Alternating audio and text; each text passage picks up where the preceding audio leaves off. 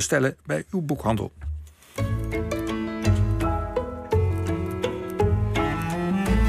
De column van Nelleke Noordervliet. Op 25 oktober 1952 gebeurde er iets belangrijks. Het eerste nummer van de Nederlandse Donald Duck kwam uit. Donald Duck als brandweerman. Beginnend met Donalds droom van heldhaftigheid, eindigt het met een natte dweil. Ik zie de tekeningen nog voor me. Het was een perfecte marketing- en reclamestunt van de uitgever. Alle Nederlandse kinderen, ja, u hoort het goed, alle Nederlandse kinderen vonden een exemplaar in de brievenbus. Het was even een investering, maar de klapper was het geld dubbel en dwars waard. Sinterklaas moest en zou in menig huishouden een jaarabonnement op het stripblad, uh, stripblad in massaal gezette schoenen stoppen. Ouders konden de smekend geheven kinderhandjes niet negeren. Donald Duck werd een huisvriend waar elke week naar werd uitgekeken. Ik moest het doen met dat ene nummer. Vandaar dat ik het uit mijn hoofd kende. Ik had niet eens een poging gewaagd mijn moeder te vermurwen. Het antwoord was nee, wist ik. Er hebben misschien ook pedagogische overwegingen aan ten grondslag gelegen, maar de boventoon werd gevoerd door de economische bezwaren. Sorry. Zo'n abonnement was duur. En de jaren 50 mogen dan misschien niet saai zijn geweest. Ze waren wel sober. Het overgrote deel van de bevolking had het niet breed.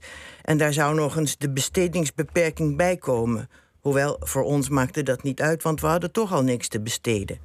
Wat wij ons konden veroorloven heet nu armoede. Maar dat werd niet zo gezien door mijn ouders. Iedereen moest elk dubbeltje omdraaien. Er was geen opzichtige luxe aanwezig in ons blikveld. Dat er ergens in Den Haag mensen oesters aten en dure wijn dronken, dat wisten we niet.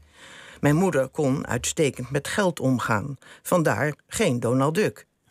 Wat er wel kwam was de leesmap. Die was voor het hele gezin. Het was een niet te veronachtzame wapen in de permanente educatie en verstrooiing van de gewone man. Wekelijks kregen we een tiental tijdschriften, waaronder de Piccolo, de Lach, Panorama, de Wereldkroniek, de Spiegel, de Margriet, de Post en de Uitkijk. Het pièce de résistance voor mij en mijn zus was Kuifje.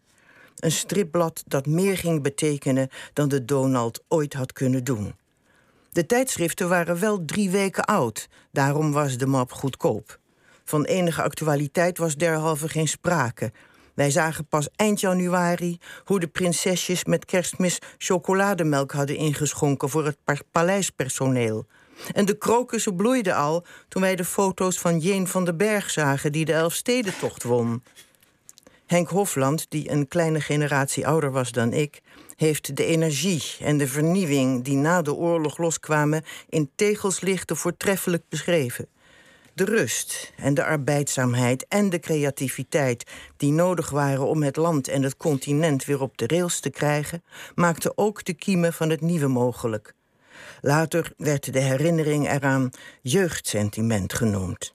Dat is het niet. Het is gewoon geschiedenis. Ja, ja. dus de leesmap in huis. Eh, en, en, dat was natuurlijk altijd. Eh, dat ging van gezin naar gezin, hè, geloof ik, elke week. Ja, die werd door de man uh, steeds verder gebracht. Maar wij hadden dus de goedkoopste, namelijk met de oudste tijdschriften erin. Ja, maar en als je verse tijdschriften wilde hebben in je leesportefeuille, dan was het best duur. Maar de leesmap lag toch ook bij de kapper en zo, kan ik me herinneren? Ja, Die, die las er ook, maar wij gingen ook niet zo vaak naar de kapper. maar, maar de jaren 50 hebben we het over, hè?